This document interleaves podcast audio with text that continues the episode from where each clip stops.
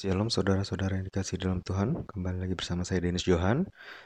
Masih di catatan iman Season yang ketiga Episode yang kelima Untuk sesi renungan. Hari ini saya ingin membagikan um, Renungan dengan tema adalah Kuat di dalam Tuhan.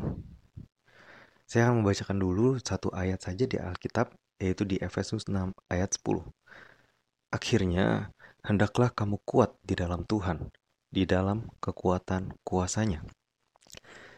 Saya sadar dalam perjalanan iman kita, di dalam kekristenan, kita akan menemui masa dan saat momen di mana kita seakan lemah. Iman kita lemah, luluh, lantah, luntur, bahkan kemenangan terlihat jauh. Seakan kemenangan sudah gagal ataupun tidak ada lagi. Tidak ada lagi kemenangan ataupun harapan.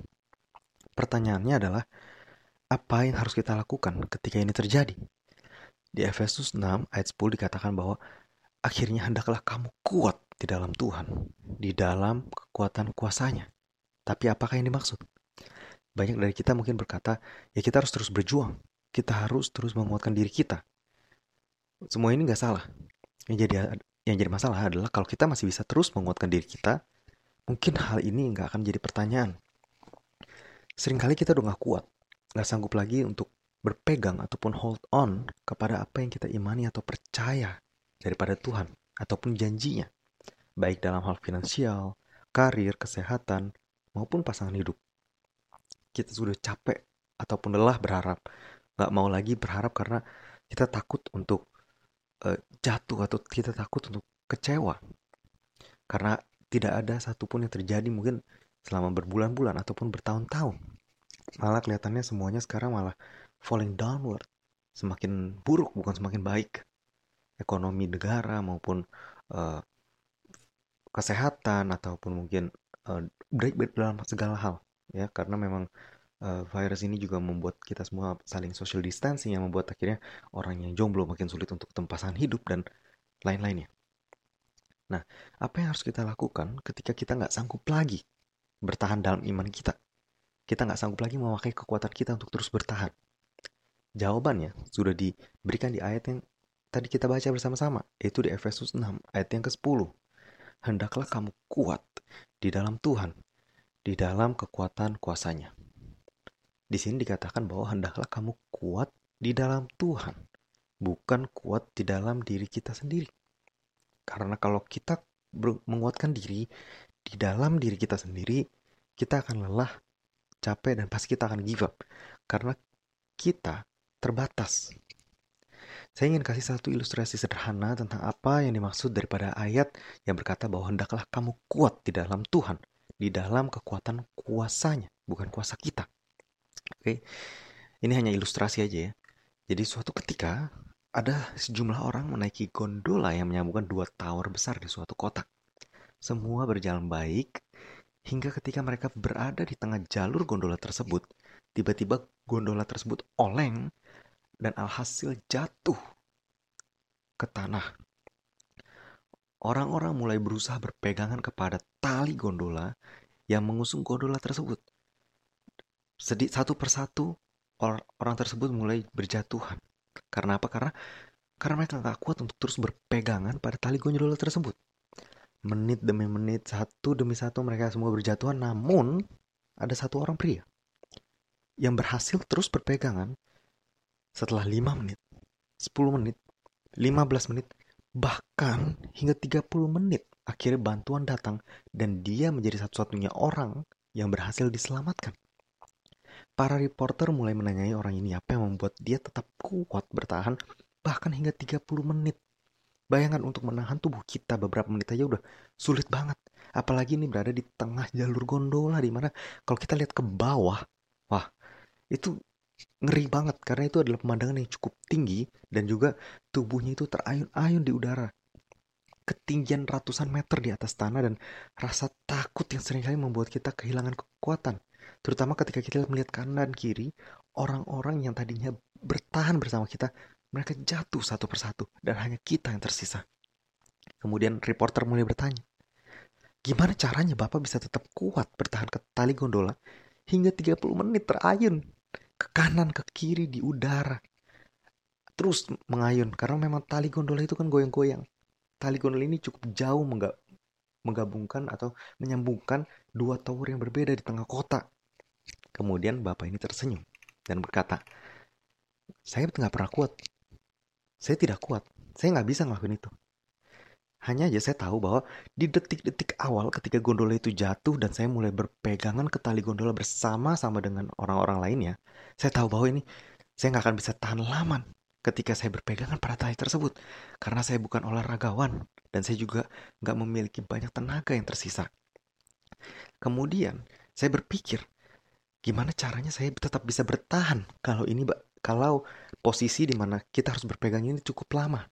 Saya, kalau bantuan yang datang itu membutuhkan waktu cukup lama untuk bisa datang membantu saya. Kemudian dengan tenaga yang ada di awal-awal saya berpegangan, saya tarik tali dari gondola yang jatuh tersebut dan saya lilitkan dan bungkus tali tersebut di bagian pinggang saya. Sehingga meskipun saya terkesan terus berpegangan kepada tali tersebut dan sekalipun saya terayun oleh angin yang meniup saya begitu kencang, namun sebenarnya bukan kekuatan saya yang membuat saya bertahan, tapi kekuatan daripada tali gondola itu yang yang saya lilitkan yang pada ujung-ujungnya menahan saya untuk melewati berbagai angin, goncangan, dan ujian waktu. Hingga 30 menit. Inilah yang dimaksud dengan kuat di dalam Tuhan. Bukan di dalam kekuatan kita. Karena kalau kita kuat di dalam kekuatan kita, sama seperti orang-orang lain yang jatuh satu persatu. Karena apa? Karena kita nggak kuat menahan beban yang begitu berat. Kita nggak kuat, bukan cuma menahan beban daripada iman kita yang sering kali naik turun. Bayangin kalau kita berpegangan kepada tali tersebut, bergelantungan. Pertama, berat beban kita aja. Udah cukup berat untuk bisa membuat kita bertahan cukup lama. Belum lagi ditambah dengan angin yang yang meniup kita baik ke kanan ke kiri. Belum lagi rasa takut ketika kita melihat ke bawah. Dan belum lagi ketika kita lihat ke kanan dan ke kiri. Orang-orang di sebelah kita mulai berjatuhan. Mereka mulai menyerah. Kalau kita kuat di dalam diri kita hanya masalah waktu kapan kita akan jatuh. Sama seperti orang yang lain. Tapi kalau kita mau kuat di dalam Tuhan caranya adalah dengan melilitkan, membungkus, dan mengisi seluruh pikiran kita, otak kita, semuanya dengan armor of God. Karena di Efesus 6 ayat 10 kemudian ayat seterusnya mengatakan bahwa hendaklah kita memakai seluruh perlengkapan senjata Allah. Dan inilah caranya untuk kita bisa kuat di dalam Tuhan. Bukan pakai senjata kita, tapi pakai senjata Tuhan. Mari kita lilitkan bungkus seluruh pikiran dan otak kita dengan janji-janji Tuhan. Dengan semua kebaikan Tuhan yang pernah dia lakukan di dalam kehidupan kita. Dan kemudian kita lilitkan semuanya dan kita percayakan dengan iman. Kita berpegang dengan iman kepada kekuatan daripada tali ataupun daripada Tuhan yang yang memegang kita agar kita tidak jatuh. Sehingga nggak peduli 5 menit, 10 menit, 30 menit, ataupun berjam-jam kita digoncang, merasakan angin dan sebagainya, kita nggak akan jatuh seperti orang-orang lain.